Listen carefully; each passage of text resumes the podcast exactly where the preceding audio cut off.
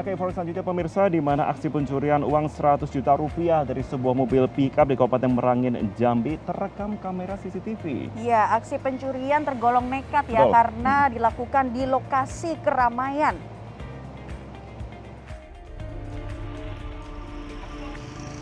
Dalam rekaman kamera CCTV terlihat pelaku mendatangi sebuah mobil bak terbuka yang tengah parkir di pinggir jalan di Kelurahan Pasar, Kecamatan Bangko, Kabupaten Merangin, Jambi. Pelaku dengan tenang membuka pintu mobil dan mengambil uang sebanyak 100 juta rupiah yang ditinggal pemiliknya di dalam mobil. Aksi pelaku ini tergolong nekat karena dilakukan di lokasi yang ramai dilalui warga. Setelah berhasil mengambil uang, pelaku kemudian langsung menaiki motor yang dikendarai rekannya dan melarikan diri. Aksi pencurian ini baru diketahui korban saat melihat pintu mobilnya rusak dan sedikit terbuka. Setelah dilihat uang yang baru ia ambil dari bank, raib. Tim Reskrim Polres Merangin yang menerima laporan ini langsung mengejar pelaku yang telah diketahui ciri-cirinya. Jadi terkait dengan kegiatan apa terjadinya tidak pidana di pasar bawah, kami sudah melakukan penyelidikan dan TPTKP awal. Eh, kami sudah mengamankan beberapa alat bukti. Saat ini sedang dalam proses penyelidikan. Eh, kami sudah mengantongi eh, ciri-cirinya. Nanti akan kita berikan perkembangan lebih lanjut. Juta. Berarti benar ya kabarnya 100 juta tuh Bang? Iya. Korban pada waktu itu eh, telah melakukan transaksi tunai di Bank BRI, lalu berhenti di pasar bawah. Setelah berhenti, ternyata eh, mobil kuncinya dalam keadaan rusak dan eh, sudah terbobol oleh eh, pelaku, sehingga dia yang bersangkutan mengalami kerugian. Untuk menghindari kejadian serupa, masyarakat diminta untuk tidak meninggalkan barang berharga, termasuk uang tunai di dalam kendaraan. Pemirsa ini ada aksi kejar-kejaran Nah. yang terjadi saat petugas dari unit perintis Polres Metro Bekasi Kota Jawa Barat menggagalkan rencana tawuran sekelompok remaja. Nah, dari sejumlah remaja yang ditangkap ini pemirsa, petugas menemukan berbagai senjata tajam yang akan digunakan untuk tawuran.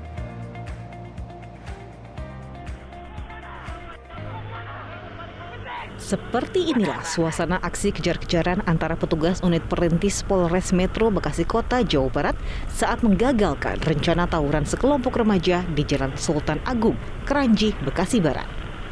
Dalam pengejaran ini sejumlah remaja terjatuh dari motor dan berhasil ditangkap petugas. Dari tangan mereka petugas menemukan sejumlah senjata tajam jenis celurit. Aksi pengejaran ini berawal saat petugas tengah berpatroli dan melihat ada sekelompok remaja mencurigakan yang mengendarai sepeda motor secara berkelompok.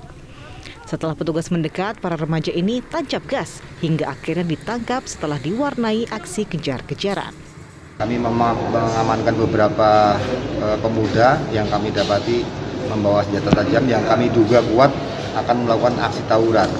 Ya kejadiannya eh, di Jalan Sultan Agung, Sultan Agung eh, dan ini saat ini mereka akan diserahkan ke Polsek Bekasi Kota untuk proses lebih lanjut. Eh, patroli perintis eh, presisi ini melakukan patroli preventif setiap malam untuk mencegah eh, kejahatan-kejahatan di malam hari dan eh, dua kegiatan lainnya dua yaitu eh, tarik-tarik kabel atau trek-trekan dan cakar-cakaran atau tawuran. Sejumlah remaja yang ditangkap petugas beserta barang bukti senjata tajam ke Polres Metro Bekasi Kota untuk pemeriksaan lebih lanjut.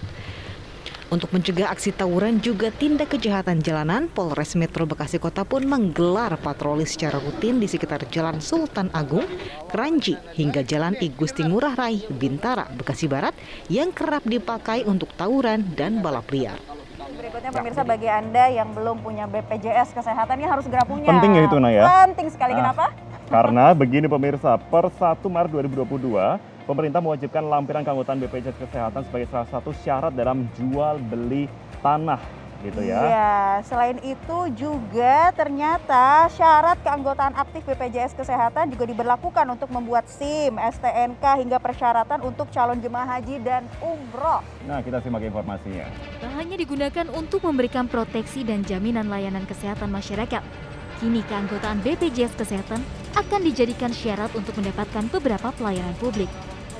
Melalui instruksi Presiden nomor 1 tahun 2022 tentang optimalisasi pelaksanaan program jaminan kesehatan nasional atau JKN, Presiden Joko Widodo mewajibkan keanggotaan BPJS Kesehatan sebagai syarat untuk mendapatkan pelayanan publik.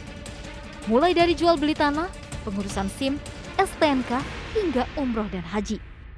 Mulai 1 Maret 2022, jual beli tanah atau rumah wajib melaporkan fotokopi kartu kepesertaan BPJS.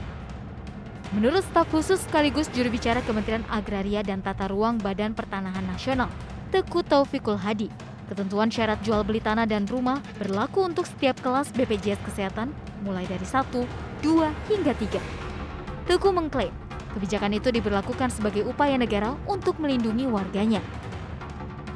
Kebijakan baru Presiden Jokowi itu pun mendapat kritik dari DPR. Kritik salah satunya datang dari anggota Komisi 2 DPR, Yanuar Pirhatin. Yanuar pun dibuat heran dengan kebijakan yang mengaitkan BPJS Kesehatan dengan syarat jual beli tanah. Respon berbeda diutarakan pengamat kebijakan publik Agus Pambagio. Agus menilai aturan baru itu sebagai hal wajar. Menurutnya, impres yang diteken Presiden Jokowi bertujuan agar kementerian serta kepala daerah dan jajaran terkait bisa merapikan daftar kepesertaan. Persoalannya, memang selama ini masih banyak masyarakat yang belum mendaftarkan sebagai uh, anggota BPJS. Karena BPJS itu kan adalah pelayanan dasar kesehatan warga negara. Jika kita ingin mendapatkan layanan publik, semua data di NIK, nomor induk kependudukan itu harus lengkap. Karena dari situlah uh, apa uh, data itu tidak salah lagi karena menggunakan NIK. Ini kebetulan dari 30 itu ah, masuklah Kementerian ATR BPN. Itu saja. Direktur Utama BPJS Kesehatan Ali Gufron Mukti mengatakan, hingga saat ini kepesertaan BPJS Kesehatan di Indonesia telah mencapai 235 juta orang. Ali berharap seiring dengan kebijakan baru, jumlah itu akan meningkat hingga 98 persen pada 2024 mendatang. Tentang kelangkaan dan juga masih mahalnya minyak goreng Itu di sejumlah dia. tanah air. Betul sekali, karena memang ada kecenderungan begini, memang di beberapa daerah ada dugaan bahwa minyak goreng tersebut ditimbun ya, betul ya, Hmm. Oh. sehingga kemudian masyarakat mempertanyakan mengenai stoknya. Tapi satu sisi kita harus melihat juga nih, Nay, ternyata dari sisi pedagang, mereka mengatakan bahwa mereka juga harus saving atau mereka harus menyimpannya benar-benar sangat cermat, karena Hmm. ditakutkan kalau misalnya langsung dikeluarkan semua stoknya Ya. akan habis, sehingga Betul. kemudian kita akan mengalami kelangkaan yang benar-benar total. Betul, gitu. itu terjadi di uh, pedagang tradisional, pemirsa, di mana ini uh, para pedagang sengaja membatasi stok karena memang uh, terjadinya kelangkaan Betul. tersebut ya, karena juga tidak sanggup untuk menjual rugi karena dari Ya. produsennya sudah menjual dengan harga yang cukup mahal. Nah ini juga menimbulkan panic buying daripada masyarakat, Betul. takut kelangkaan minyak goreng ini kemudian nantinya uh, sampai enam bulan ke depan tidak dilanjutkan kembali harganya. Nah kita akan lihat informasi untuk anda berikut ini. Polemik ketersediaan minyak goreng tak kunjung terselesaikan hingga saat ini. Masyarakat di berbagai daerah masih mengeluh dalam mendapatkan minyak goreng. Selain pembeli, penjual di tingkat retail juga mengaku mulai kehabisan stok. Penjual pun kini putar otak agar distribusi minyak goreng merata dan tidak diserbu habis saat dijual. Viral di media sosial unggahan yang memperlihatkan syarat membeli minyak goreng wajib menyertakan bukti vaksin dan fotokopi kartu keluarga. Dalam foto yang diunggah oleh akun @video underscore medsos itu memuat aturan bagi masyarakat yang ingin membeli minyak goreng di salah satu minimarket. Diduga aturan itu dibuat imbas kelangkaan minyak goreng saat ini. Namun akun itu tidak mencantumkan di mana lokasi foto itu diambil. Sementara itu di Kendal, Jawa Tengah, para pedagang pasar mulai mengeluh lantaran menduga adanya permainan yang dilakukan para distributor minyak goreng kemasan. Sejumlah pedagang di pasar Kendal mengaku dimintai syarat khusus oleh distributor dengan cara membeli satu dus sabun untuk bisa membeli tiga dus minyak goreng. beli itu harus ada beli produk lain? Ya sama.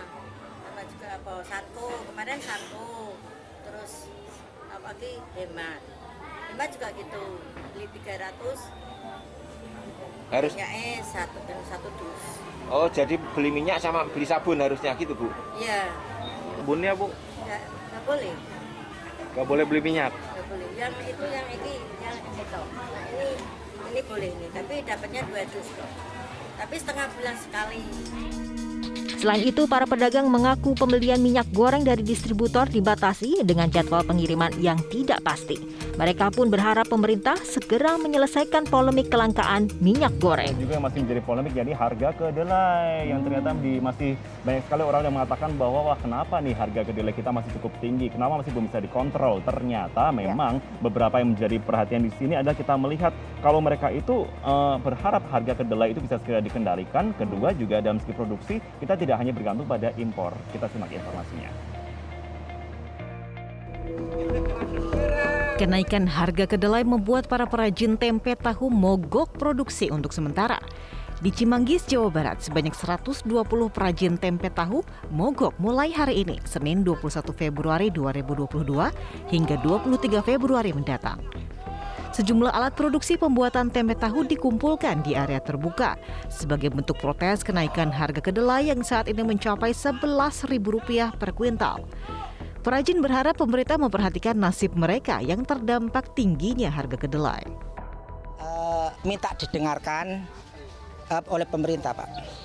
Karena lonjakan kacang yang begitu memberatkan bagi kami selaku pengrajin tempe, Pak. Cuman itu aja sih. Dan stabilkan harga kacang kedelai, Pak. Karena apa kalau harga stabil kita bisa produksi, Pak. Sementara itu, para perajin tempe tahu di Surabaya mengeluh naiknya harga kedelai tidak sebanding dengan keuntungan yang didapatkan. Mereka pun kebingungan untuk menaikkan harga jual karena khawatir konsumen akan berkurang. Untuk sementara, mereka menyiasatinya dengan memperkecil ukuran produk tempe. Info yang saya dapat dua tahun lalu bisa turun. Semoga aja dengan aksi ini kedelai-kedelai yang diterima oleh pengrajin tempe ini bisa turun sehingga tidak merugikan pembeli dan penjualnya. Sementara itu, para pedagang di pasar tradisional mengaku belum menaikkan harga tempe tahu karena masih memiliki stok. Namun apabila para perajin terus melakukan mogok, maka para pedagang terpaksa menaikkan harga.